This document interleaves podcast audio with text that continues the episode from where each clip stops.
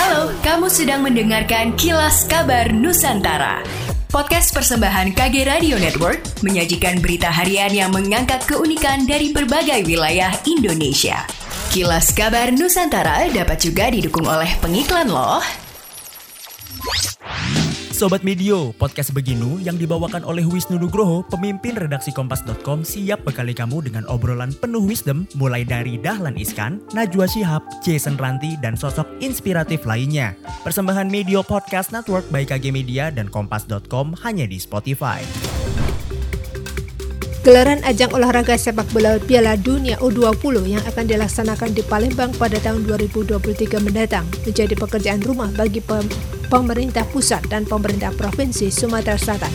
Persiapan pertandingan yang dijadwalkan akan terlaksana di Stadion Gelora Sriwijaya Jakabaring Sports City atau JSC tersebut diklaim telah menyentuh hampir 100% dari perencanaan yang ada baik dari segi sarana hingga prasarana. Direktur Utama JSC Palembang, Meina Paloh mengatakan saat ini pihaknya telah melakukan sejumlah tahapan renovasi dan penambahan fasilitas di beberapa venue, khususnya Stadion Gelora Sriwijaya. Dalam mendukung pelaksanaan Piala Dunia U20 mendatang, juga akan mengoptimalkan penggunaan delapan tower Wisma Atlet dan memanfaatkan helikopter sebagai transportasi evakuasi saat terjadi hal-hal yang tidak diinginkan. Diharapkan agar ke depan pemerintah pusat turut memberikan dorongan serta dukungan terhadap persiapan yang saat ini dilakukan pengelola JSC, baik dari dari segi pendanaan dan support moral.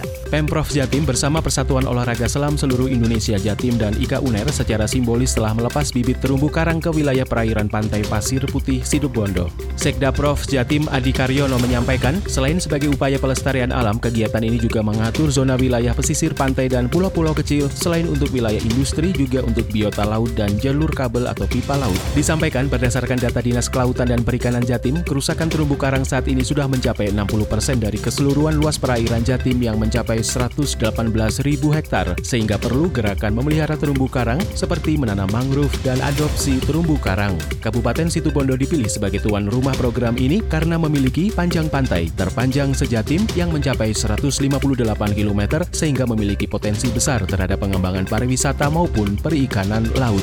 Pertandingan olahraga futsal Porprov ke-13 Kalimantan Barat 2022 kategori putra dan putri berakhir pada partai final di Gor Pangsuma Pontianak Sabtu 12 November. Tim futsal putra Pontianak berhasil mempertahankan medali emas Porprov 13 Kalimantan Barat 2022.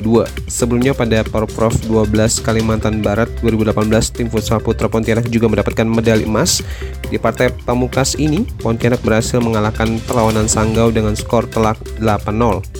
Pada pertandingan ini, tim futsal Putra Pontianak tampil sangat dikdaya atas tamunya Sanggau. Sejak menit awal laga Pontianak sudah tampil menekan, alhasil Pontianak mampu menutup babak pertama dengan skor 2-0. Pada babak kedua, keperkasaan Pontianak tidak terhadang oleh Sanggau. Pontianak berhasil menambah gol demi gol dan menutup laga menjadi skor 8-0. Demikianlah kilas kabar Nusantara pagi ini.